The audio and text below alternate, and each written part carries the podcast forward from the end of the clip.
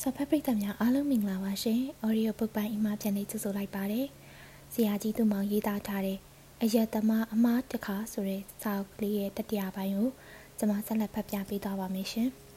။ရွှေမန်းတင်မောင်ကြီးလွန်းတရာကျိတ်ပစိုးကြီး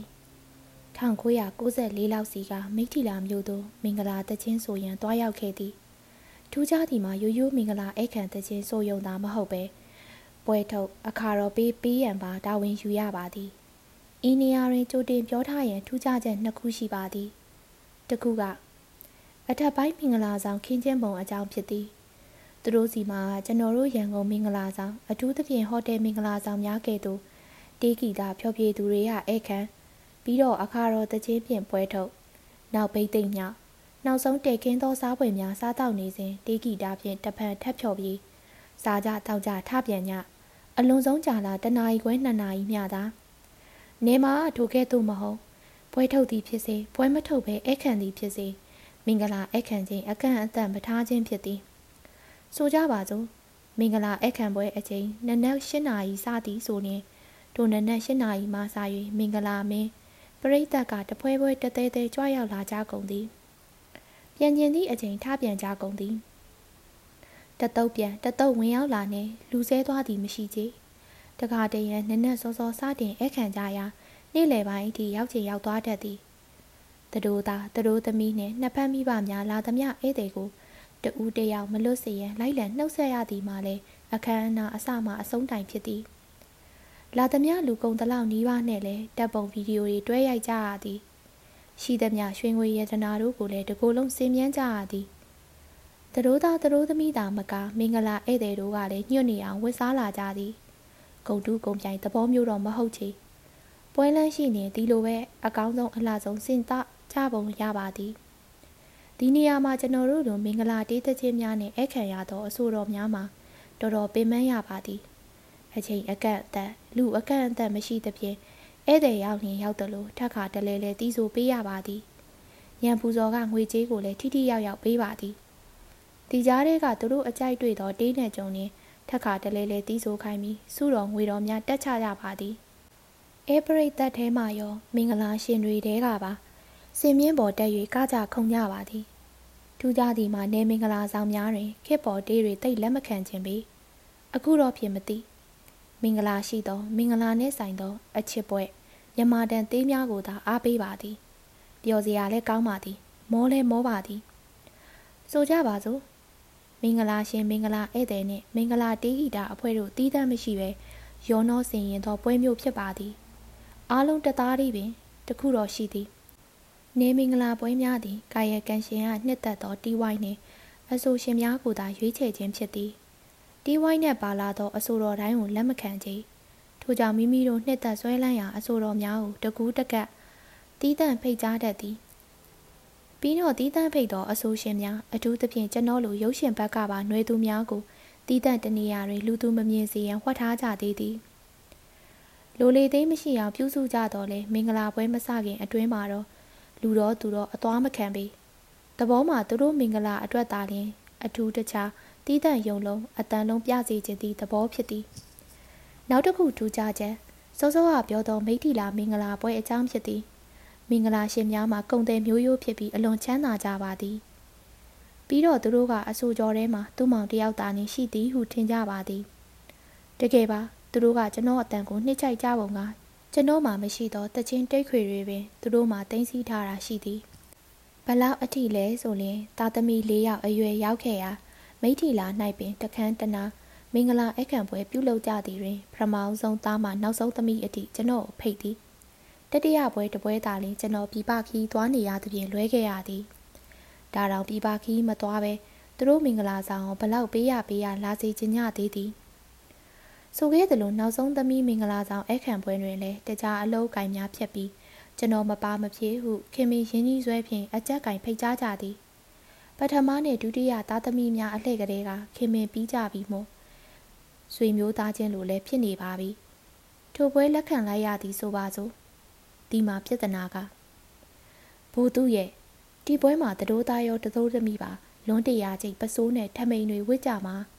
ဒီတော့မင်္ဂလာအခါတော်ပေးမယ်ဘိုးသူကလည်းလွန်တရာကျိဝင့်မှဖြစ်မှာနော်ဟုရိုးရိုးကြီးပင်အဆိုပြုပါသည်တကယ်တော့ဒီခေတ်မှာလွန်တရာကျိပစိုးဝင့်နိုင်သူအတော်ရှားထားနေပြီကိုသူတို့စဉ်းစားမိပုံမရကြမင်းသားလွန်တရာတော့ရှိမှာပေါ့ဟုထင်ထားကြပုံရပါသည်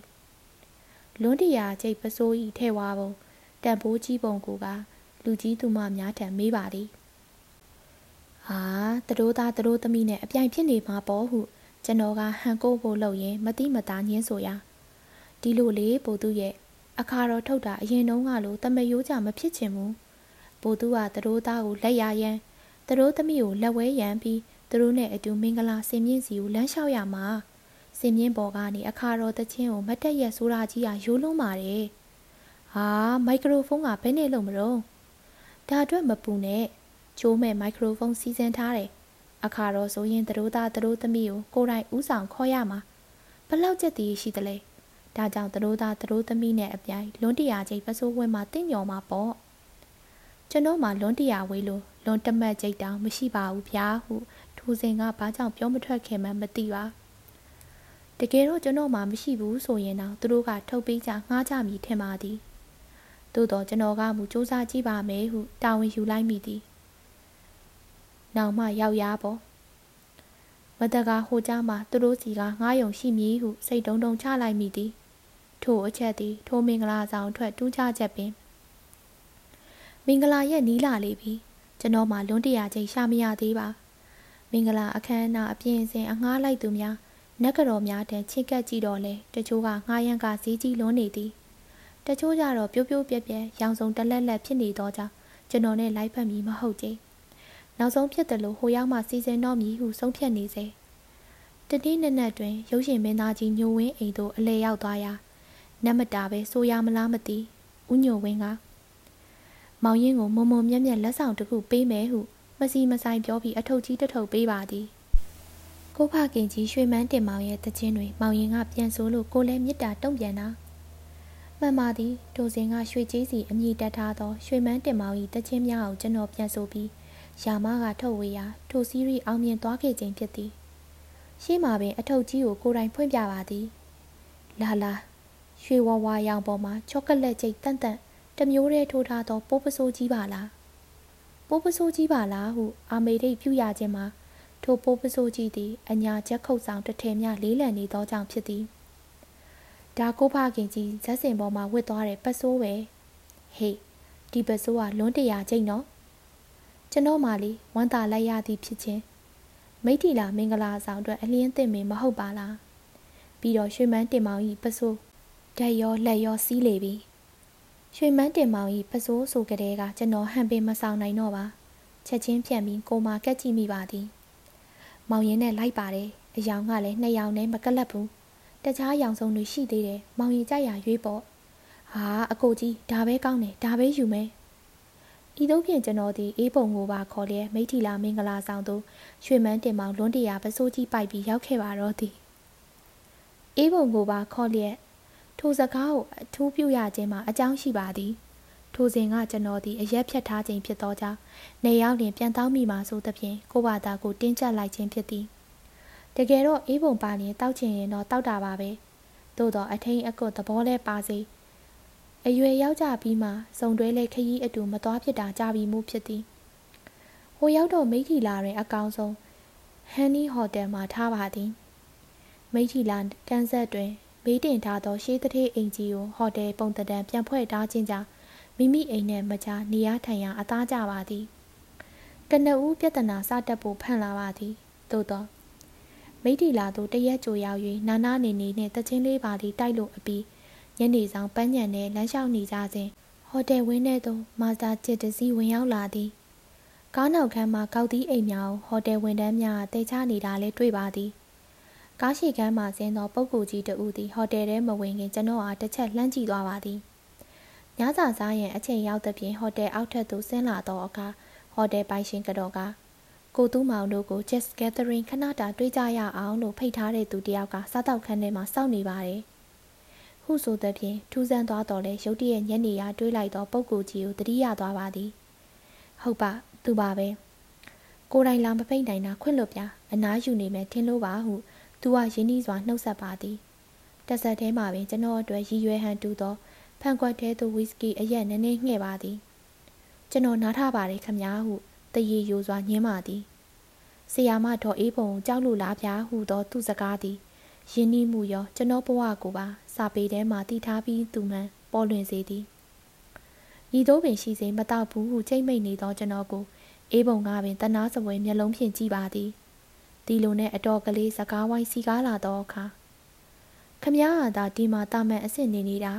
ခမည်းစီးခဲ့တဲ့မာစီဒီကားကတော့ စင်ကာပူမှာအချမ်းသာဆုံးစီးရင်ဝင်တတိတယောက်စီးနေလေရဲ့ဗျာနားခေရာမော်တော်ကားတွေပယ်ဖြတ်လိုက်စဉ်ကကျွန်တော်ဤမာစီဒီဟစ်တလာစစ်တိုက်သည်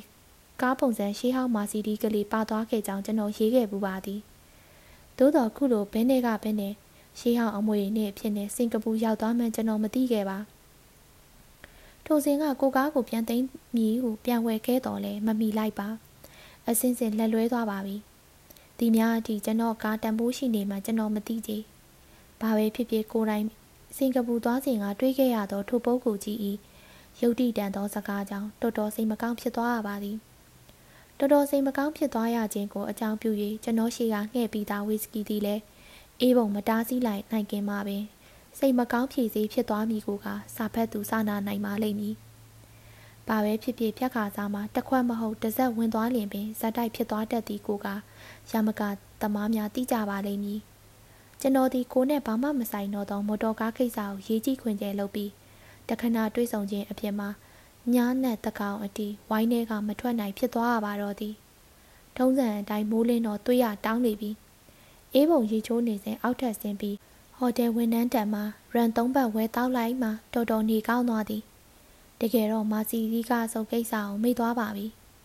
ဒီလူနဲ့မင်္ဂလာအခန့်ရေးကိစ္စအတွက်ကားကြိုရောက်လာပါသည်ကားမောင်းသူနှင့်ရှင်လျက်ဝင်ထိုင်လိုက်သောအခါထိုသူသည်နှာခေါင်းကိုရှင်ချေးစွာတစ်ချက်ရှုံလိုက်ပြီးပြုံးပါသည်။အော်ကျွန်တော်ရန်တောက်ထားတာသူသိသွားပြီကိုပထမတွင်ရှက်တယ်လို့ဖြစ်ရတော့လဲနောက်ပိုင်းထိုဖြစ်ကပင်ကျွန်တော်အတွက်အဆင်ပြေသွားပါသည်။အเจ้าမှာဟိုးအစကပြောခဲ့သလိုပွဲထုတ်အခါတော်ပေးအစီအစဉ်မလုပ်ခင် ဧကန်တီဆိုနေခဲ့ကြချိန်တွင် အေးပုံကစင်နောက်ဖက်မှာဧည့်သည်ထိုင်ကုန်မှာထိုင်နေတာပါစောစောကလာကြိုသောရင်မောင်းကအကူကြီးအချိုရည်ဟိုအချိုရည်တပူးဖွင့်ပြီးသားလာပေးရသူ့စကားတန်နဲ့သူ့မျက်နှာကိုကြည့်လိုက်ရုံနဲ့ကျွန်တော်ကတီးလိုက်ပါပြီအောင်မဲဝီစကီပြအကူကြီးနည်းနည်းတောက်တယ်လို့သူတို့တောက်ပြောပြလိုက်လို့သူတို့စီစဉ်ပေးတာပါအာမနာနဲ့နော်လူရင်ကျွန်တော်ကိုမျက်စပြက်လိုက် တချင်းဆိုရတာကလည်းပင်ပန်းစူစရာတချင်းတွေကလည်းရှားပါလာပြီဖြစ်ရာကျွန်တော်ဒီအချိုးရည်ဆက်ထားသောဝီစကီလေးတများများနဲ့ဟန်ကိုးဖို့လုံနေခဲ့ပါသည်တကယ်တော့ညကအရှင်ကိုဖြည့်စေရန်အလို့ငါကျွန်တော်မှကြိုတင်စီစဉ်ခဲ့ပြီးဖြစ်ပါသည်အဲ့ခံပွဲသွားရန်အဝေအစားလဲစဉ်ကလေးကရွှေမန်းတင်မောင်ကြီးလွန်းတရာပူပစိုးကြီးအောက်တွင်ရိုးရိုးလုံကြီးတက်တဲ့ခံဝဲခဲ့ပြီးဖြစ်သည်ကျွန်တော်အကြံတွင်စင်မော်တက်တချင်းဆိုလိုက် နည်းနည်းလေတက်လာရင်လွန်းတရာပစိုးကြီးအသားချုပ်အတွင်းကချီလုံးကြီးဖြင့်ပေးထားသောကားကိုယူပြီးစင်တော်ဖေးပေါက်ကလည်းနည်းနည်းသွားချချီလုံးကြီးဖြင့်ဆိုတော့တော်ယုံလူမသိနိုင်ပြန်လာပိုးပစိုးပြန်ဆော့တချင်းပြန်ဆိုဤသို့စီစဉ်ခဲ့ခြင်းဖြစ်တော်လဲဟောအခုလိုသူတို့ကအလိုက်တတိလာလာပို့နေတော့အဆင်မပြေဘူးလားအကိုကြီးပွဲထုတ်ဖို့အချိန်ရောက်ပြီးခမ်းမအပြင်ဘက်ထွက်ကြရအောင်ကျွန်တော်ကိုလာခေါ်ပါကြည့်ပြီ ကျွန်တော်ကလည်းမူးမူးယူယူအခြေအနေမဟုတ်သဖြင့်အလိုက်တင်ပင်လိုက်သွားပါသည်အစီအစဉ်အတိုင်းခမ်းမပေါက်ဝမှာကျွန်တော်ဟာတတိုးသားတတိုးသမီးများကိုဝဲရချမ်းရံပြီးအခါတော့ပြီးရင်ခမ်းမမင်းလန့်အတိုင်းပြင်းချင်းစွာဝင်သွားရမှာဖြစ်သည်မန္တလေးမြို့မှတင်းကြီးကလည်းတန်ဆုံအတီးကိုစလိုက်ပါသည်ကျွန်တော်ကလည်းဟန်မပြတ်သည့်အပြင်နင်းနေမြူးနေပြီမို့တကယ်မင်္ဂလာအခါတော့ပေးဆရာကြီးစတိုင်ဖြင့်တချင်းဆိုရင်လမ်းလျှောက်နိုင်ခဲ့ပါသည်ပ ရိသတ်များကလည်းတမင်လေပြန်ငေးကြည့်နေကြပါသည်ဗီဒီယိုတွေဓာတ်ပုံတွေကလည်းတစ်ဖြက်ဖြက်အောင်မယ်ကျွန်တော်ဝတ်ထားတဲ့ရွှေမန်းတင်မောင်ကြီးလွန်းတရာပစိုးကြီးကိုပင်အထူးတဆန်လက်တို့ပြကြတာမြင်ပြအောင်မြင်လိုက်သေး၏သို့တော်ဖုန်ကတိပါပေါ်သို့စုံညီစွာရောက်လူဆဲဆဲတွင်မန္တလေးမြို့မှတေးအဖွဲမှာဝိုင်းကောင်းဆောင်ကကျွန်တော်ဟာရေးပေါ်မျက်နှာအမှုရာဖြင့်လက်ညှိုးအောက်ဆိုင်ထိုးပြပါသည်ကျွန်တော်ကလည်းဘဲနဲ့ အခါတော်ပေးတာကနေရင်းငယ်ရွှေစားဆိုသည့်အပိုက်ကနှစ်ခါပြန်ဆိုရမှာဘာကြောင့်အောက်အပိုက်ဆက်ရန်အချက်ပြနေရသလဲပေါ့ပြီးတော့ဝိုင်းကောင်းဆောင်တယောက်တည်းကမဟုတ်ကြံဝိုင်းသားတွေများအပြင်ရှေ့ဆုံးစပွဲမှာထိုင်နေသောအေးပုံငါပါလက်ညှိုးအောက်ဆိုင်ထိုးပြနေလေရာဟာဒီမိမခီတာအကြောင်းငကန်းတစ်လုံးမှမသိပဲဝင်ရှည်ရသလားဟုပထမတော့စိတ်တူရသေးသည်သို့တော့တချင်းဆက်ဆိုရန်လမ်းလျှောက်ရင်မှ ကျွန်တော်ကားပေါ်မှာတခုခုပေါ်ပါသွားသလိုခံစားရသဖြင့်မတိမတာလက်ဖြင့်ဆန်းလိုက်ရာလာလာတကြိမ်တကားမှမဝစ်ဘူးသောရွှေမန်းတင်မောင်၏လွန်းတရာချိတ်ပစိုးကြီးမှာကပုံစားပြုတ်ထွက်၍လုံးဝကြွကြရန်တတီကလေးများသာလိုတော့ပါသလားပစိုးကြီးကလည်းလေးလေးပင်ပင်အောက်ခံချီပစိုးကလည်းခံထားသည်ဆိုတော့ကပုံစားပြုတ်တာချက်ချင်းဘဲသီးပါမလဲတော်သေးတာကတိုက်ပုံအင်ကြီးကို လုံးဝရင်စိတ်ခါစိတ်ကြဲသီးတက်ထားသောကြောင့်ပိုးပစိုးကြီးမှာခါနိုင်ညနေချင်းဖြစ်တော်သည်သို့တော်ဘဲရမလို့မင်းသားပေကပဲညာလက်ဖြင့်မိုက်ခရိုဖုန်းကင်ပြီးတချင်းဆက်ဆိုဘယ်လက်ကိုဟန်ပါပါဝေးပိုက်ကခပုံစားအောက်မှာတိတ်ဇမင်းသားစတိုင်ဖမ်းလျက်ကျွန်တော်ဒီဖုန်ကလေးပါပေါ်သို့စုံညီစွာရောက်ခဲ့ပါတော့သည်ကျွန်တော်၏တပြင်းချတန်နဲ့အတူအေးပုံတို့အုပ်စုမှတပြင်းချတန်များကိုလည်းကြားလိုက်ရသလိုရှိသွား၏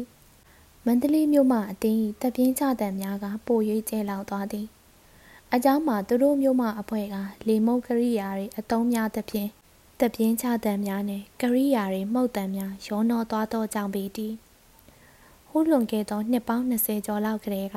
မန္တလေးမြို့တွင်အခန့်ပွဲတစ်ခု၌ရိုးရိုးပိုးလုံကြီးဖြင့်ခါးလေလောက်ထိကျွကြဘူးသည်ကိုအမတ်ရမိပါသေးသည်ထိုစဉ်ကတော့မင်းသားစော်ဝမ်းကအပြေးလာပြီးကပတ်ပတ်ပြီးခဲ့သောကြောင့် ရုပ်ပြက်စင်းပြက်ဖြစ်မသွားခဲ့ရပါထို့အကြောင်းကြုံတော့ရေးကြသေးတာပေါ့လေတောက်ကြစားစားအမှတ်455ဇူလိုင်လ2000ခုနှစ်တာတူသူ့မောင်စာပေတိုက်ပွဲအဖေနဲ့ကျွန်တော်သည်အမှုပညာကိစ္စရဲ့စာပေဂီတရုပ်ရှင်များတွင်ပဓာတလန်တန်တလန်မဟုတ်တော့လဲနည်းနည်းတော့ဝီဝါဒကွဲပြားကြသည်ဒါကတော့အဖေသည်ကုံတယ်ပွဲစားမဟုတ်တလို့ ကျွန်တော်ကလည်းထို့အမွေမျိုးကိုစက္ခံသူမဟုတ်တော့ကြောင်ပါထို့သောလုပ်ငန်းမျိုးကဘိုးစဉ်ပေါင်းဆက်ပုံတည်နည်းဖြင့်စက္ခံရလိရှိသည်ဒါတော်ခင်မီလာခြင်းပေါ်မူတည်၍အနှဲငယ်ပြောင်းလဲလောက်ကင်ရတတ်သည်များရှိတတ်ပါသည်ဥပမာဘိုးဘေးစင်ဆက်ကငပီးငချောက်လုပ်ငန်းသည်တာသမီမြေမြစ်လက်ထက်တွင် လုံနီးကင်နီးမှအစားကုံထုတ်ပိုးနီးအတီကွဲခြားလာတတ်ပါသေးသည် ရေဘူးရသဘောပြောရရင်ရုပ်ပိုင်းဆိုင်ရာလုပ်ငန်းများသည်ပုံတံအားဖြင့်မြ мян ပြောင်းညင်ပြောင်းပြီးအနှစ်သာရပိုင်းကတော်တော်နဲ့မပြောင်းလဲတတ်ပါအမှုပညာကိစ္စကတော့စိတ်ပိုင်းဆိုင်ရာဦးစားပေးမှုပုံတံရောအနှစ်သာရပါအပြောင်းလဲမြန်ပါသည်အဖေလက်ထက်တွင်သားသမီးလက်ထက်ကိုခဏဖယ်ထားလို့မိမိကိုယ်တိုင်ပင်ချက်ချင်းပြောင်းလဲသွားတတ်သည်မဟုတ်ပါလောတမန်နေ့ကဆရာသားတူးနဲ့မနေ့ကဆရာသားတူးမတူနိုင်သလို မနေ့ကသူ့မောင်နဲ့ဒီနေ့ကနေ့သူ့မောင်ကလည်းခွဲပြားလာတတ်သည်ထို့အခါဆရာသားတူးနဲ့သူ့မောင်တို့အမှုပညာကိစ္စ၌ဝိဝါဒခွဲပြားလာတာဘယ်မှာစမ်းမာတော့မည်နည်းအဖေနဲ့ကျွန်တော်သည်ကျွန်တော်စာစရေးစပုံနှိပ်စာမူစတင်ထုတ်ပေါ်ပြခံရကြတဲ့ကရေးဟန်နဲ့ပတ်သက်၍ပြိပခါရှိခဲ့ကြသည်ဆိုကြပါစို့စကပြေရေးရ၌အလင်းတင်သလိုစကားပြောဟန်များပါသွားတတ်ခြင်းကိစ္စမျိုး တေးသချင်းဆိုင်ဆိုရ၌မြမတန်တေးဂီတများကိုခေပေါ်ဂီတတူရိယာများအသုံးပြုခြင်းကိစ္စမျိုးရုပ်ရှင်ရိုက်ရာ၌ပရိသတ်တွေးစရာကိုခြံပြီးပြကွက်ကြော်ပြသည့်ကိစ္စမျိုးသို့တော့ကျွန်တော်တို့ညီကိုတစုတဲတွင်မူကျွန်တော်ကအဖေနဲ့အနေနီးလိုလားမသိအမှုပညာရေးရာ၌တိတ်ပြီးတော့ကစန့်ကျင်ဘက်မဖြစ်တတ်ကြီးနည်းနည်းပါးပါငင်းရခုံရလောက်သာရှိပါသည်ဒါလဲသူ့ဘက်ကိုယ့်ဘက်အလျှော်တင်းလုံရင်ကိစ္စပြီးသွားတာပါပဲ တခါတရံမလျှော့နိုင်မပေါ်နိုင်ကိစ္စများပေါ်လာလျင်တော့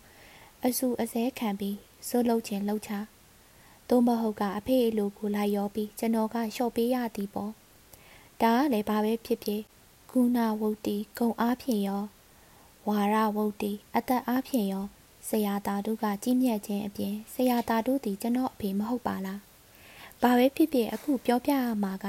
ဘလို့မှငြိမ်းချမ်းစွာဖြေရှင်းလို့မရနိုင်သည့်အရက်ပြဿနာကိုစာပေဖြင့်တိုက်ခိုက်ကြခြင်းမှာပထမအဆုံးတာထုသူ့မောင်စာပေတိုက်ပွဲခေါင်းစဉ်နဲ့ပတ်သက်၍အလျင်စလုံးရှင်းပြပြရစီထိုခေါင်းစဉ်ဖြင့်ပင်1992ခုနှစ်အောက်တိုဘာလထုတ်ကလျာမဂဇင်းတွင်ကျွန်တော်ကွန်စကားစောင်းမတပုတ်ကိုရေးခဲ့ပူပါသည်ဒါကိုပင်ပထမအဆုံးဝန်ခံရခြင်းမှာထိုဆောင်ပါပါအချက်အလက်အချို့နှင့်ယခုရေးသည့်စာစုပါအချက်အလက်အချို့ တူကောင်းတူသွားနိုင်သောကြောင့်ဖြစ်သည်သို့တော်သိကြတာတော့ယခုစာစုသည်အရက်သေးစာနှင့်ပတ်သက်၍ဇောင်းပိရေးသားမည်ဖြစ်သောကြောင့်ပေသည်ထို့ကြောင့်အမှုပညာရဲ့ကိစ္စအငင်းပွားမှုတဲ့အရက်သေးစာနှင့်ပတ်သက်သောပြိပခါကိုဥတီပါလိမ့်မည်နောက်ဖြင့်ဘာကြောင့်ဒီကောင်းစဉ်ကိုပဲပြန်ယူရသနည်းကျွန်တော်ကြိုက်လို့လဲတကြောင်အရက်နဲ့ပတ်သက်၍စာအားဖြင့်အပြန်အလှန်တိုက်ခိုက်ခဲ့ကြခြင်းကလည်းတကြောင်ဖြစ်သည် အဖေသည်အရက်မတောက်တော့ယုံသာမကအရက်စန့်ကျင်ရေးသမားဖြစ်ကြောင်းစာဖတ်သူများသိပြီးပါပြီထို့ထက်ပို၍ကအရက်တောက်တတ်သူမှန်သမျှကိုပါတိုက်ခိုက်တတ်ခြင်းဖြစ်ပါသည်သူတငယ်ချင်းများဖြစ်ကြသောဆရာတော်ရာဆွေဆရာတင့်တယ်တို့ကကိုယ်တိုင်အရက်ဝယ်တိုက်သူတို့နဲ့အတူဘားဆိုင်လိုက်ထိုင်ပေးတာဘာကြောင့်မှစဉ်းစား၍မရပါအထူးသဖြင့်မူအရက်ကြိုက်တတ်ခဲ့သောအကိုမောင်ဝနာနှင့်ကျွန်တော်အပေါ်ပို၍ထိုးစစ်ဆင်ပါသည် ကိုယူပကအရက်ဝေးလို့ဆေးလိပ်ပင်မတောက်တတ်သောကြောင့်အဖေကကိုယူပအပေါ်မှာချီညွကျူးရင်မနှင်းမြို့ဟန်ပြပါသည်အရက်မတောက်ခြင်းအတွက်ဘဝင်တွေ့ပြီးဆေးလိပ်စီးကရက်မတောက်တတ်ခြင်းအတွက်အားမလို့အားမရဖြစ်ဟန်တူပါသည်အဖေကစီးကရက်ကိုအဆက်မပြတ်မီးကူပြီးတောက်တတ်သူမဟုတ်လား chain smoker ဆိုပါစို့မင်းလူသည်ကအရက်ကိုလမ်းကြုံသဘောအပျော်အပြတ်တောက်တတ်သူမို့အဖေကောင်းစွာမရိပ်မိခဲ့ပါကန်ကြီးပေစွာ ကျွန်တော်အရက်ကောင်းကောင်းတောက်တတ်နေမှန်းကို1985ခုနှစ်လောက်ကလေးကအဖေလက်ပူးလက်ချက်မိသွားတာပါအဖေကရင်တွေ့သောစာရေးဆရာများနှင့်တပူးတွတွဲလုံးနေသည်ကို အဖေကစုံစမ်းထားမိသည်ပြီးတော့ထိုးဆရာများသည် အဖေနဲ့စာပေအယူအဆဝိဝါဒတိတ်ပြီးမကွဲလာတော့လေလိုင်းချင်းတော့နည်းနည်းကွာပါသည်အဓိကအစည်းမကတ်ကတော့အရက်ကိစ္စပင်ဖြစ်သည်ထိုဆရာတို့သည်ကဆရာတိန်တန်းထွန်း ဆရာထွန်းထွန်းစေးသိပ်ပန်းဆရာအထောက်တော်လှအောင်ဆရာအောင်ပြည့်ထိုဆရာများနေညနေတိုင်းအချိန်ချက်လုပ်ပြီး24လမ်းအရက်ဆိုင်မှာစုံဖြစ်ကြတာကိုအဖေကသိနှင်ထားသည်လက်ဘူးလက်ကျန်ဖမ်းမိရန်လဲစူးစမ်းခဲ့ပုံရသည်ကျွန်တော်တို့ကလည်းမော်တော်ကားထဲလဲဖြင့်42လမ်းသို့သွားကြသည်တခါတရံကျွန်တော်ကတခါတရံဆရာထွန်းထွန်းစေးသိပ်ပန်ကြီးကား အများဆုံးသုံးတာကတော့ကျမ်းမာရေးဝင်ကြီးဌာနမှာလူကြီးတယောက်၏ရုံးကားဖြစ်သည်ထိုရုံးကားမောင်းသူကိုလားမြင့်မှာကျွန်တော်တို့နှင့်အဖွဲကြသူဖြစ်ပြီးသူအလုံးချိန်ပြီး၍အိမ်ပြန်သောအခါထိုကျမ်းမာရေးကားကြီးကိုပါညအိတ်ယူခွင့်ရသဖြင့်ကျွန်တော်တို့ဝိုင်းသိမ့်တင်အိမ်နာရာရောက်လိုက်လံပို့ဆောင်ပေးရှာပါသည်ကားမှာတိုးစင်ကနောက်ဆုံးပေါ်ပေါက်ဆွဲကွန်ပေါင်မုတ်ကအဖြူကြီးဖြစ်သည်ကျွန်တော်တို့ကတင်ငန်းကျွန်းမှာနေပြီးအဖေကဝန်ထမ်းပြည်ယာမှာနေသူဖြစ်ရာချက်ချင်းဖမ်းမိရန်မလွယ်တော့လဲ ထိုပေါက်ဆွဲကွန်ကားဖြူကြီးတည်င်းကိုတော့ခြေရာခံမိပြီးဖြစ်ပါသည်ဤသို့အားဖြင့်တနေ့တနိုင်ကျွန်တော်တို့ညဦးတကောင်တင်ငန်းကျွန်းခြံသို့ပြန်ရောက်ကြသောအခါစောစောကပေါက်ဆွဲကွန်ကားကြီးကိုရှေ့မှမိကြီးထိုးပြီးပိတ်ကဖမ်းဆီးလိုက်သောအဖေကားနှင့်ပတ်ပင်းတိုးပါတော့သည်အရက်တောက်နေတော့ဖမ်းမိခြင်းမဟုတ်တော့လေအရက်ဆိုင်မှပြန်လာသည်ကိုမူညင်းမရတော့သောကျွန်တော်ခမထိုညမှစ၍အဖေနှင့်အတူဝန်ထမ်းမိယာချန်သို့ပါသွားခဲ့လေရာ အဖေကွယ်လွန်ကန်ဒီ1992ခုနှစ်အတီဟိုမှာပင်နေဖြစ်သွားပါတော့သည်ဟိုမှာပင်ချန်ချင်းကက်လျက်အေးပုံနဲ့ဆုံပြီးအိမ်တော်ကြခဲ့ရတော့အမျက်အဖြစ်အဖက်တင်ခဲ့ရသည်ဆိုကြပါစို့ရဲ့စကားမဆက်ပြောတာပါအဖေအိမ်သို့ရောက်ရောက်ချင်းကျွန်တော်အိတ်ဆက်နားနေရန်ကတင်ပွေရာအစင်းသင့်ပြင်ထားသည်ကိုတွေ့ရပါသည်ဘယ်တုန်းကတည်းကစီမံကိန်းဆွဲထားမှမသိရပါအမြဲတမ်းရှုပ်ပွားနေသောအဖေဧကန်တောက်တနေရာကို တတ်တတ်ရရရှင်းလင်းထားပါသည်ထူးခြားသည်မှာကတင်ပေးနေရန်၌ကတ်ထုပြားတပေးပတ်လေလောက်ကို စာတမ်းများရေးပြီးကတ်ထားခြင်းဖြစ်သည်ငါအဖေအရက်မတောက်ခဲ့သဖြင့်ငါအားအရက်သမားသားဟု အခေါ်မခံခဲ့ရငါသားများအရက်မတောက်လျင်အရက်သမားအဖေဟု အခေါ်မခံရသော နောက်ထပ်ဂုံတစ်ခုတိုးပေအောင်မည်ဒါသည်ဆရာတာတုကစတင်တိုက်ခိုက်သောနေရန်ကတ်ဝေဖန်စာပေပင်ဖြစ်တော်သည်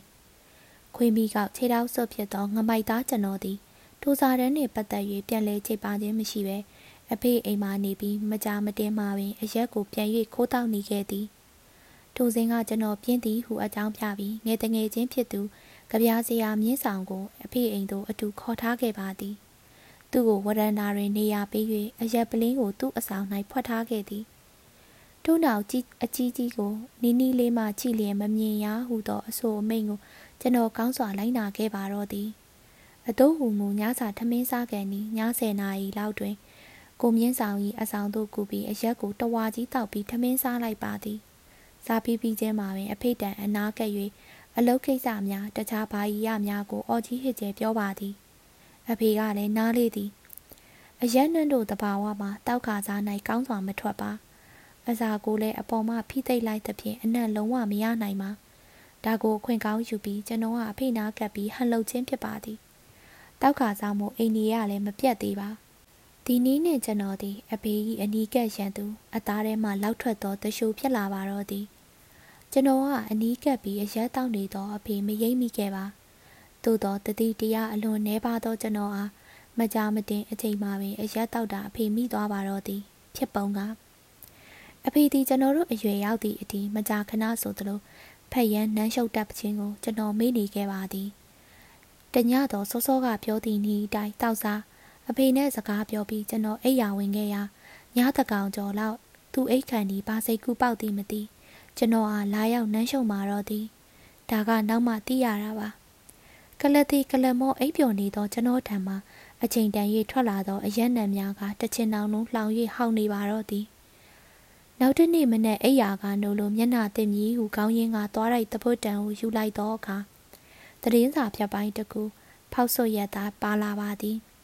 ထိုပြပိုင်းကိုဖြန့်ကြည့်လိုက်သောအခါအဖေဘယ်တော့မှဖြတ်ထားမှမသိ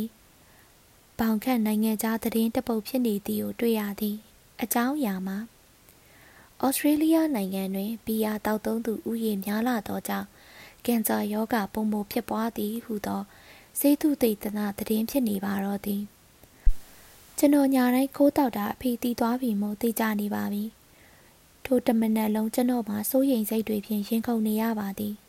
အဲ့ရအဖေနိုးလာရင်ဘလို့ရင်ဆိုင်ရမည်ကိုလည်းစိတ်ကူးနေရပါသည်လိန်နီးပေါင်းစုံကိုလည်းစိုးကြိုးတင်စဉ်းစားနေရပါသည်အဖေကမိုးလင်းကန်ဒီမှာအိပ်ပြီးနေ့လယ်မှာအိပ်ရာထားသူပါထိုစဉ်ကမူကျွန်တော်အားနမ်းမပါတော့သည် နှကောင်းနှမျက်တော်မဖြစ်နိုင်အနီးဆက်ဆုံးကတော့ကိုကြီးကျော်ဖြစ်နိုင်သည်နက်နက်စောစောရောက်လာတော့လှုပ်သားပြည်သူနေ့စဉ်သတင်းစာကိုအမှန်မဲ့ကောက်လှန်လိုက်ရာယခုခေတ်သတင်းစာများတဲ့နှစ်စားခန့်ရှိသော စာမျက်နှာအပြည့်စေးပညာစောင်းပါတပုတ်ကိုတွေ့ရသည်ဆောင်းပါး၏အနှစ်သာရကစီကရက်ဆေးလိပ်တောက်ခြင်းသည်ကင်ဆာရောဂါကိုပုံမှုဖြစ်ပွားစေသည်ဟုသောအချက်ကိုအကွက်ကြကြရေးထားခြင်းဖြစ်တော်သည် ကျွန်တော်ဒီဖတ်ပြီးပြီးချင်းပင်ထိုဆောင်းပါးစာမျက်နှာကိုတတ်တတ်ရရဖြတ်တောက်ပြီးအဖေကတင်ပြီးစပွဲပေါ်ရှိအဖေစီကရက်ဘူးဖြင့်အသာဖိ၍တင်ထားလိုက်ပါတော့သည်ဒါသည်ကျွန်တော်ကပထမအဆုံးပြန်လေတိုက်ခိုက်သောစပွဲတင်စားပြီးဝေဖန်ရေးဖြစ်ပါတော့သည်ဒီလိုနဲ့တားဖနှစ်ယောက်ဟန်ကိုးဖို့လုပ်ရင်နေရန်ကတ်စားပြီးတိုက်ပွဲရလဲပြင်းထန်လာပါတော့သည်နနက်အိယာရာထားတိုင်း ကျွန်တော်ကလေးကောင်းရင်တွင်အရက်ဆန့်ကျင်ရေးစာတမ်းများတနေ့တစ်မျိုးမယိုးအောင်ကပ်ပြီးတာတူဟုလက်မှတ်ထိုးထားတာနှိမ့်စဉ်တွေးမြင်နေရပြီးအဖေကတင်ခေါင်းရင်းတွင်လည်းစီကရက်၏စိုးကျိုးများအောင်စာရေးပြီးကျွန်တော်ကပြန်ကတ်ထားတတ်နေပါသည်ဥပမာနာနာမှတ်ဖနှက်ဖြစ်မင်းတာတုဟုအဖေကစာကက်လျင်ကျွန်တော်ကတီးနဲ့ဖနှက်မပါလျင်နှွေခါမှတီးလိမ့်မည်သူ့မဟုတံပြန်ထိုးနှက်ပါသည် ထိုတာတုသူ့မောင်စာပေတိုက်ပွဲသည်လာအတန်ကြာခဲ့ပါသည်သို့သောစာရေးတတ်နှင့်အတွေ့အကြုံရ၎င်းအသက်အရွယ်အားဖြင့်၎င်းဖခင်ဟုသောယာဒူးအားဖြင့်၎င်းနောက်ဆုံးတော့ကျွန်တော်ရှုံးရပါသည်အဖေနောက်ဆုံးကျွန်တော်ခေါင်းရင်းတွင်ကတ်လိုက်သောရွှေပေလွှာမှာတလုံးတည်းသာဖြစ်ပါသည်လလုံးကြီးတင်ဆန်ခတ်ဝစ်စပေါက်တဲ့တောက်ကြစားစားအမှတ်451မတ်လ2000ခုနှစ် တခါတုန်းကပေါ့ဗျာဤစာစုကတော့တာတုသူ့မောင်စာပေတိုက်ပွဲစာစုတွေကတကွက်ကိုချဲ့ပြီးဖော်ပြခြင်းဟုယူမှတ်၍ရပါသည်ရုပ်ရှင်စကားနဲ့ပြောရရင်ဇလန်းအလဲမှာဖောက်ပြီးနောက်ကျောင်းပြန်သည်ဆိုကြပါစို့တာတုသူ့မောင်စာပေတိုက်ပွဲတွင်42လမ်းအရက်ဖြူဆိုင်မှအပြန်တင်ငန်းချုံအရောက်ကျွန်တော်တို့စီးလာသောကားကိုရှေ့မှပိတ်ပြီးအဖေကဖမ်းခဲ့မိကြောင်းကိုဖော်ပြခဲ့ပါသည် ထို့နောက်ကျွန်တော်သည် အမေရှိရာတင်ငန်းချုံတာတူးချံမှာအဖေရှိရာဝန်တန်းမိရာတာတူးချံသို့ပါသွားခဲ့ရကြောင်းကိုလည်းစာဖတ်သူသိထားပြီးပါပြီယခုစာစုတွင်ထို့သောကျွန်တော်အရက်သမားတယောက်အရက်ဆန့်ကျင်ရေးသမားအဖေနောက်သို့ကောက်ကောက်ပါသွားရပုံမှာထို့သောအဖမ်းမခံရမီအဖြစ်အပျက်တချို့ကိုဖောက်သိချရပါမည်ထိုဇက်လန်းတွင်ကျွန်တော်ကမင်းသားဆိုလျင်ဇက်ဖို့ဇက်ရန်အဖြစ်ပါဝင်ကြသူများနာမည်ကိုလည်းအာနာပါနာဖော်ပြရပါလိမ့်မည် အာနာပါနာဟုဆိုရသည်မှာထိုပုဂ္ဂိုလ်များသည်ကျွန်တော်ထက်ကုဏဝုတ်တိဝါယဝုတ်တိအပြင်ကြီးမြတ်သူများဖြစ်ပြီးနိုင်ငံကျော်နိုင်ငံသိများဖြစ်သောကြောင့်ပေသည်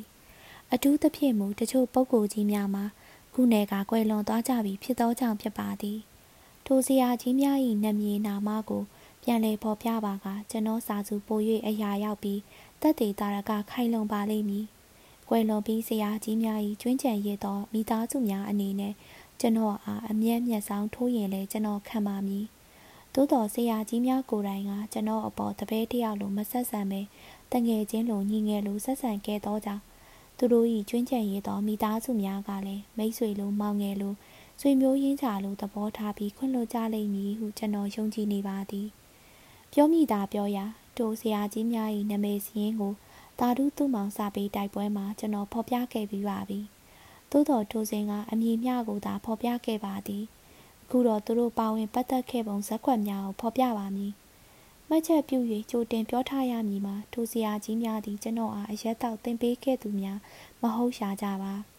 ကျွန်တော်တောက်တက်ပြီးမှသူတို့နဲ့အဖွဲကြပြီးအတူတောက်ဖြစ်ခဲ့ခြင်းသာပြီးတော့ကျွန်တော်ကဲ့သို့ရန်ကားသောအတောက်သမားများမဟုတ်ကြပဲအများအားဖြင့်သူတို့ကသာကျွန်တော်ကိုထိန်းကြရပါသည် ပြောပြကြကြဆိုရင်ထိုစရာများသည်ကျွန်တော်အရင်စောစောစီးစီးအရက်ကိုဖျက်တောက်နိုင်ခဲ့ကြသူများဖြစ်ပါသည်။အော်ခုတော့လေတချို့ဆရာများသည်ဖျားနဲ့တရားနဲ့ဖြစ်နေကြပြီးတချို့ဆရာများကကွယ်လွန်ကြကုန်ပါပြီ။ဘာပဲဖြစ်ဖြစ်ဤစာစုမှာအရက်အခြေခံအကြောင်းတရားဖြစ်သောကြောင့်ကျွန်တော်ဆရာများသည်လည်းရခင်တောက်ခဲ့တုန်းကတော့အ ਨੇ ဆုံးဇက်ဖို့ဇက်ရန်အဖြစ်ပြန်လည်အသုံးချခံရတာမနစ်နာဘူးဟုထင်ပါသည်လေ ဆိုခဲ့တယ်လို့ပင်1985ခုနှစ်လောက်ကကျွန်တော်မင်းသားဖြစ်စာရင်ဖြစ်ပါသည် အဖေကြီးရုပ်ရှင်ဖြန့်ချီရေးအလုတ်တိုက်ကဘာလန်မိမဟာဗန္ဒူလာပန်းကြံလမ်းမှာဖြစ်ပါသည်ကျွန်တော်တို့သည်အဖေအလုတ်တိုက်တွင်ဆုလုပ်ကြပါသည် လုပ်ငန်းသိမ်းချိန်တွင်ရင်းလန်းတဲ့ရှိမူလားလက်ဟောင်းမုတ်စိတ်လက်ဖက်ရည်ဆိုင်သို့တောချပါသည်ဒါကဒုတိယစုရက်ဖြစ်သည် မုတ်စိတ်ဆိုင်စုရက်ကလုပ်ငန်းသဘောအမောပြေသဘောတွေမဟုတ်တော့ပဲ ညာဦးပိုင်းအရက်ဆိုင်သွားရန်ခြေလန်းပြင်သောစုရက်ဖြစ်ပါသည်ဝိချေဘူးလေးတွင်ခင်းညင်းနာသောလက်ဖက်ရည်ဆိုင်များပေါ်ဦးစာဖြစ်ပြီးထိုလမ်းဘေးလက်ဖက်ရည်ဆိုင်မှာထိုင်ရတာအားရပါရရှိလာပါသည်စောစောကပြောသလိုကျွန်တော်ကမင်းသားဖြစ်စာဆိုတော့လေထိုခေတ်ကရုပ်ရှင်ကားကြီးတကားနှစ်ကားလောက်ရိုက်ပြီးုံနဲ့ပြိသက်ကမမတ်မိတတ်သေးပါ။ထိုနည်းတူ42လမ်းအရက်ဆိုင်လိုနေရာမှာညပိုင်းထိုင်တာကိုလည်းလူသိမ့်မသိပါ 42လမ်းအရက်ဖြူဆိုင်လိုနေရာမျိုးမှာကောတကယ်တက်သစ္စာမင်းသားကထိုင်မှမြည်နီးကျွန်တော်မူကားစာရေးဆရာပေါက်စာဟူသောဂုံပုတ်ကိုအခြေပြု၍ထိုဆိုင်မှာဂုံယူစွာထိုင်ခဲ့ပါသည်ပြီးတော့ကိုးဆရာများကလည်းတခါတရမ်းမြသာဆိုင်ကြီးကနာကြီးမှာတပားသူပြုစုသဖြင့်ဟန်ကြားပန်ကြားစားတောက်နိုင်ပြီးနေ့စဉ်နဲ့အမျှလူလူက42လမ်းလမ်းမြသာဖြစ်လေရာကျွန်တော် တွဲလောင်းပါရသည်ကိုရှင်းပြစရာမလိုတော့ပါထိုစဉ်ကျွန်တော်မှာအဖေးလုပ်ငန်းသုံးကားစုပ်တစ်စီးကိုသာအပိုင်စားရထားပါသည်အဖေ၏မန်နေဂျာတပွဲဖြစ်နေသောကြောင့်အဖေကပေးထားခြင်းဖြစ်သည်ဆရာထွန်းထွန်းစေးသိပ်ပံမှာလည်းကားစုပ်တစ်စီးဆရာအထောက်တော်လှအောင်ငါချစ်ကားစုပ်ထို့ကြောင့်ကျွန်တော်တို့အုပ်စုတွင်ကားစုပ်၃စီးရှိပါသည်ကားစုပ်ဟူထောပနာပြုရသည်မှာအလေးချပုံမှန်ပြက်နေတတ်သောကြောင့် ကားသုံးစီးရှိတော်လဲအများအားဖြင့်ကိုးချရောက်ပေါ်ကိုရက်ပြီးခြေလျင်ကျက်ရသည်ဟာတိတာစီလိုသောကြောင့်ဖြစ်သည်ဤသို့ပင်ရှိစေခြေလျင်တလဲကိုပိုင်ကားတလဲဖြင့်ကျွန်တော်တို့ရံပကာခီလန်ဖြောင်ပြူးခဲ့ပါသည်ဒီကြားရဲ့ကျမရေးဌာနမှလူကြီးတူ၏ကားကောင်းစားတစ်စီးကိုဂျားပေါက်ရရှိပါသေးသည်အကြောင်းမှာထိုကားရင်မှာကိုလားမြင်မှာအလုတ်ပြီးချိန်တွင်အိမ်ပြန်လင်ထိုကားကိုအိမ်ယူပိုင်ခွင့်ရှိသွားလေရာ သူနဲ့ကျွန်တော်တို့ပေါင်းဖက်မွေးမိသောအခါထိုကားကိုကြုံသလိုကျွန်တော်တို့အသုံးချခွင့်ရသောကြောင့်ပေသည်မှတ်ချက်ကျွန်တော်ကိုအဖေကဖမ်းမိသွားတာထိုကားပေါ်မှာပင်ဖြစ်ပါသည်မိတို့ပင်ရှိစေကျွန်တော်တို့ဒီခြေလျင်ကလေးကိုသာအားကိုးရတာများပါသည်ဆိုကြပါစို့ဘာလန်မုံစိတ်လက်ဖက်ရည်ဆိုင်တွင်လူစုပြီးလက်ဖက်ရည်သောအချိန်တန်လို့လူစုံပြီးဆိုရင်42လမ်းသို့ချီတက် လူမစုံတော့လဲလိုအပ်တော့ထောက်ခံမဲရပြီဆိုရင်ဆုံးဖြတ်ချက်မကြတော့ပဲမျက်စပစ်ပြီးအလိုလိုတန်းစီပြီးသားဖြစ်သွားတော့သည်မဟာပန်ဒူလာပန်းချံလမ်းမှာ42နန်းသို့ခြိတက်ကြရာလန်တက်လျှောက်မှာဖြတ်လိုက်ကြသူများလည်းရှိသည်42လမ်းမှာစောင့်သူလည်းရှိတတ်သည်ကြားရဲဖြတ်ပြီးဘ ഹു တုထအလို့ငါပြောပြစရာလေးတစ်ခုရှိပါသည်အရက်သမားတို့ဘာသာဘာဝ အမည်စားကြတာဓမ္မတာဖြစ်တော်လေအရက်ကိုလက်ဖက်ရည်ကြိုကြပြင်မြည်သည်ကိုတော့တော်ယုံလူမသိနိုင်ကြအထူးသဖြင့်အရက်နဲ့နွားတို့လက်ဖက်ရည်သည်ရံပတ်မဟုတ်လားဒါကိုဆရာထွန်းထွန်းစေးသိပ်ပံကစတင်၍ဖီလာပြုခဲ့လေသည်သို့မဟုတ်အရက်ကိုလက်ဖက်ရည်ဖြင့်မြည်အပ်ကြောင်းဆရာဝန်ပြီးပြီးသူတည်တနာလုံးဖော်ထုတ်ခဲ့ပုံရသည်အရက်တစ်ခွက်မောလိုက်လက်ဖက်ရည်ချိုကျအေးဆက်ဆက်လေးတစုပ်စုပ်လိုက်နဲ့ တေရစာရှိတကွဲဟုအမြဲပြောပါသည်သူနီးစမ်းကြည့်တော့မစိုးဘူးဗျကတွင်အတွေ့ဆုံးအမည်ကတော့စီတုတ်ထားသောဒညင်းသီးပြုတ်ကြီးများဖြစ်ပါသည်တခါတရံမှာအမည်ဆိုင်မှာဒညင်းသီးပြုတ်တအိုးလုံးကိုပုတ်ပြက်ယူ၍ထမင်းလွတ်စားကြပါသည်ထိုဆိုင်ကိုအနှင်းငယ်ညှောင်းပါမည်42လမ်းထဲရောက်လင်အစီယာဟုဆိုလျင်လူတိုင်းသိ၏ကြောပါရဲ့မူးမူးနဲ့ခွေးကိုကဲဖြင့်ပေါက်လျင်ပင် ဂိမ်းဟုအတန်မထွက်ပေအစီယာဟုပင်မြည်ပေလိမ့်မည်ကျွန်တော်တို့ရုပ်ရှင်လောကတွင်ဝင်းဦးဆိုသည်နှင့်ဝဝဝင်းရွှေတွဲပါလာသလိုညွန်ဝင်းခင်တန်းနုဇော်ဝမ်းတင့်တင့်ညိုကျော်ဟိန်ခင်တီယာထွန်းစသဖြင့်ခေပြိုင်များရှိကြပါသည်ထိုနည်းတူအစီယာဆိုသည်နှင့်ကလပ်ပူသည်လည်းတွဲဖက်အမည်တညာဖြစ်ပါသည်ကလပ်ပူသည်အစီယာဤချင်းရတော်ပေသည်ခေါင်းဆောင်ကအစီယာ ကလပ်ပူကကိုရေးအရာရှိဆိုပါစို့သူတို့တွင်သားသမီး9ယောက်လား10ယောက်လားရှိသည်ထိုကလေးတပြုံတမားတို့ကိုလက်တိုလက်တောင်တိုလီမိုလီဆိုရပါမည်သူတို့ဆိုင်သည်မျက်နှာစာမှအိမ်သာအထိဒိုးယိုပေါက်ဖြစ်သည်ရှေကားလမ်းပေါ်တွင်မေးတင်ပြီးအမည်ဆိုင်ဖွင့်ထားသည်အိမ်ဝါမှသည်နောက်ဖေးစီသို့ကြမ်းတပြေးတဲ့ခင်းနာပြီးစားသုံးသူကိုစပွဲဝိုက်ပုကလေးများဖြင့်အဲကန်သည်အခန်းအကန်အကာရန်မရှိကြ ထူးကြတာကညာပိုင်းနည်းနည်းညှင်းနေပြီးဆိုရင်အိမ်နောက်ဖေးပိုင်းသူတို့အိမ်ဤတဝမ်းများကိုခြေနှောင်ကြီးတစ်လုံးထောင်ပြီးကာရန်လိုက်ခြင်းပင်မမိသေးသည်ထိုခြေနှောင်ကြီးမှာနှစ်ယောက်အိမ်နှလုံးခွဲစာလောက်ရှိမည်တင်သည် special order ချုပ်ဖြစ်ဟန်တူသည်သဘောမှာစောစောအိယာဝင်သောကလေးများအတွက်၎င်းဒုတိယအိယာဝင်သောကလေးများအတွက်၎င်းနောက်ဆုံးပိတ်ဆိုင်သိမ်းသောချိန်တွင်သူတို့လင်မယားအစဉ်သင့်ဝင်အိတ်နိုင်ရန်၎င်းဖြစ်လေသည် တမိသားစုလုံးတချင်အောင်နှင့်အတူစုပြုံအိတ်ကြခြင်းပင်ထိုချင်အောင်စားထောင်သောအချိန်တွင် ကျွန်တော်တို့ဝိုင်းနှင့်တခြားဝိုင်းနှစ်ဝိုင်းလောက်သာအိတ်ရှိတွင်ကျန်တော့သည်။ဂိုင်ထိုချင်အောင်ကြီးနှင့်ကျွန်တော်တို့အုပ်စုနှစ်ဖူးစာစုံရပုံနောက်ပိုင်းပြောပြပါမည်လောလောဆယ်ကျွန်တော်တို့ဒီ42လမ်းမှာခွဲခွာသောအခါစောစောကပြောခဲ့သောမော်တော်ကားတစ်စီးရှိနေလျင်အဖွဲသားအားလုံး၏နေရသို့တူးချင်းလိုက်ပို့ပါသည် ရန်ကင်တင်ငန်းကျွန်းအင်းစိန်ကြောင်မြောင်စသဖြင့်ကျုံတလို့ဖြစ်သည်တခုပဲရှိရာထိုစဉ်ကကျွန်တော်မှရီးစားချစ်သူအတီတကြမရှိသေးရာစိတ်ကူးတဲ့ရာကောင်မလေးအိမ်သို့သွားပြီးအိမ်ရှိလမ်းမပေါ်မှာကားရက်၍တချင်းဆူခြင်းဖြစ်သည်ကျွန်တော်ဆိုနေကြသချင်းမှာကိုစောငိမ့်ဤချစ်ပြုံးနှင်းစီဖြစ်ပါသည်ကျွန်တော်သချင်းဆိုသောအခါနောက်ခံတီးလုံးစီးဝါးတံပြိုင်လိုက်သူများမှာစုံညီလာပေသည်သို့တော်စဉ်းစားကြည့်ကြပါ ကျွန်တော်ဆိုတာကအလွန်စာသားကလည်းပွင့်နိုင်ခဲ့ပါပြီတဲ့တန်တာလေးရေဘဲခါချစ်ပြုံးမာလာကိုကွဲခူးဆွလိုဖုံးမောင်နန်းတာမဲတဲ့အဖြေမရနိုင်သဖြင့်စောင့်စားနေရသူကျွန်တော်ကကိုချစ်သူကိုပွင့်နိုင်ခဲ့သောနှင်းစီနဲ့ခိုင်နိုင်ပြီးလွမ်းပြနေတာထိုသချင်းကိုမော်တော်ကားဘောနက်ကိုထု၍စီးဝါလိုက်သူဆရာထွန်းထွန်းစိတ်သိပ်ပန်းလက်ခုပ်တီးပြီးတံမြိုင်လိုက်ဆိုသူများ ဆရာတိမ့်တန်းထွန်းတို့ဆရာအထောက်တော်လှအောင်တို့နဲ့ပါဇက်ဆိုင်တီးသူဆရာအောင်ပြည့်ကိုင်းနေအောင်ကသူဟာကျွန်တော်အကူမောင်ဝန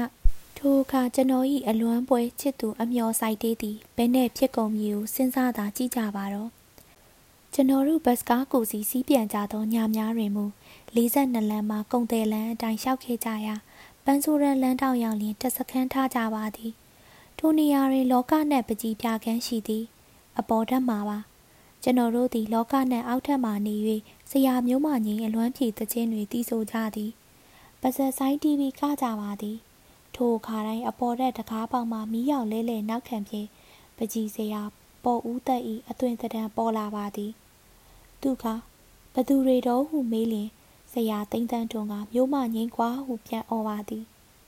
ဆရာပေါ်ဦးသက်သည်ဆရာမျိုးမငင်း၏တမတ်ဖြစ်ပါသည် ဤသည်တို့မှာကျွန်တော်တို့ဤညဦးရန်မပြတ်မကွက်ပြုမြဲဝတ္တရားများပါသည်ကောင်းပါပြီသူ့မောင်အားဆရာသားတို့ဖမ်းမိသွားပုံ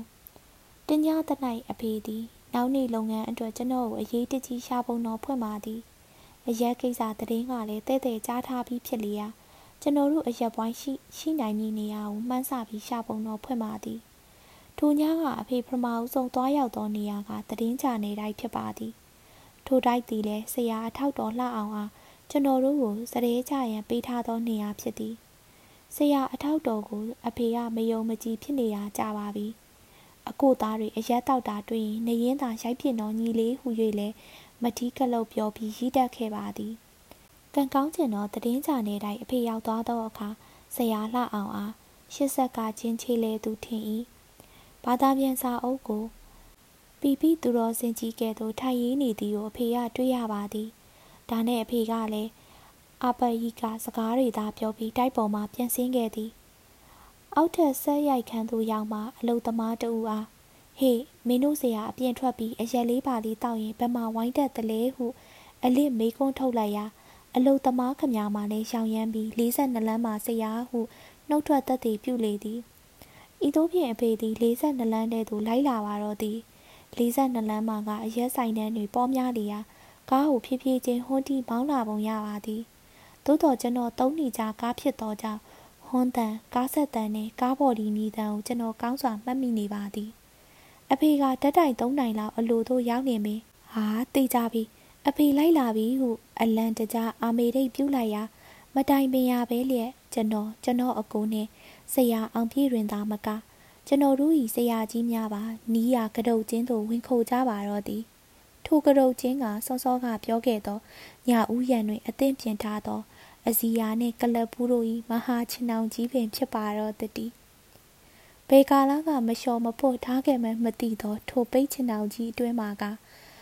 ပိုးပတ်လန့်အိပ်ပျော်နေသောအစီယာ၏မျိုးဆက်သများနှင့်ကျွန်တော်တို့အုပ်စုပလုံးပထွေ ဤသို့ဆိုသဖြင့်ကျွန်တော်အကုန်ပေါဝနာနှင့်ဆရာပြည်တို့ကတော့ထားပါတော့ဘယ်နဲ့ဟိုဆရာကြီးများကပါရောရောင်ပြီးအစီယာချင်အောင်ထဲသို့ရောက်ကုန်ကြပါတည်းဟုထင်ပေလိမ့်မည်ဟုတ်ပါဟိုဆရာကြီးများမှာအဖေနဲ့ခစ်ပြိုင်မဟုတ်တော့လေမရှိမနှောင်းပါပဲစာပေနေတဲ့သူရောက်သည့်စာရေးဆရာကြီးများမဟုတ်ပါလားဆရာတာတုကိုဘာကြောက်ဆရာလို့တနည်း ကျွန်တော်စဉ်းစားမိသလောက်ပြန်ပြောရရင်ဟိုစင်ကအရက်တောက်ထားကြသဖြင့်နည်းနည်းထွေနေကြသည်ရာတကြောင်ရုတ်တရက်ကျွန်တော်တို့ထပြေးသဖြင့်ရောင်ရမ်းပြီးနောက်ကလိုက်မိတာတကြောင်ဖြစ်နိုင်ပါသည်အထူးသဖြင့်မူစောစောကပြောခဲ့သောအဖေရီးသေးသေးမတိကလုတ်အတန်ကိုခံရပေါင်းများသဖြင့်အာဘက်လိုအောင်ရှောင်ကြတာဖြစ်ဖို့များပါသည်အကြောင်းမဲ့တရခမ်းမဖြစ်ဖို့အရေးကြီးသည်မဟုတ်လားဗါတဲ့အဖေကြီးလက်သုံးစကားကလည်း အကိုသားတွေအရက်တောက်တာတွေ့ရင်နှရင်သာတီးပြစ်တော်ညီလေးထိုညကအစီယာနဲ့ကလပ်ဘူးတို့၏မဟာချင်အောင်ကြီးကကျွန်တော်တို့အုပ်စုကိုအဖေရံမှာကာကွယ်နိုင်ခဲ့တော်လဲထိုညတာဝန်ကြကိုလာမြင့်ကျမ်းမာရေးဌာနပိုင်းဘောက်ဆွဲကွန်ပေါင်းမုတ်ကားတစ်ကြီးကတက်သေးတကာရအဖြစ်နဲ့ကျွန်တော်တို့ညီကိုအားအဖေတံဝါကွက်အလိုက်ပါတော့သည်အဖေကထိုကားကိုမှတ်မိပြီးတင်ငန်းကျွန်းချန်ထိန်မှာစောင့်ရီစီးဖမ်းခဲ့သည်မဟုတ်ပါလား အထူးမှတ်ချက်နမဲနှင့်တကွဖော်ပြမိသောဆရာကြီးများအားရှိခိုးတောင်းပန်ပါသည်ကောင်းခွက်တွေတော့မရေးပဲတောက်ချက်ကိုသာရေးရကောင်းလားဟုချိန်မောင်းရင်လည်းခံရပါမည်ကျွန်တော်ကမူထိုစင်ကဆရာကြီးတို့လည်းလူရွယ်များများသာဖြစ်သည်ကိုစမြုပ်ပြန်လို၍ငယ်မူငယ်သွေးပြလိုက်ခြင်းသာအရင်ခံစေတနာပါ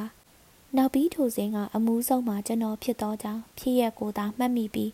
ဆရာတို့၏နာမည်တွေဖြစ်ရက်တွေသိပ်ပြီးကွက်တီကြခြင်းမှကြပါမယ်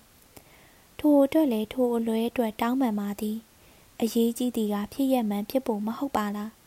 တခုတော့ရှိသည်ကွယ်လွန်ပြီးဆရာကြီးများကိုကကျွန်တော်မစိုးရိမ်ပါအကြောင်းမှာသူတို့သည်မကွယ်လွန်ခင်တရားဖတ်သွားကြသဖြင့်ခုလောက်ရှိတာဝရိန်နာသို့ရောက်နေလောက်ပြီဖြစ်သောကြောင့်ပါသည်တောက်ကြစားစားအမှတ်454ဂျွန်လ2000ခုနှစ်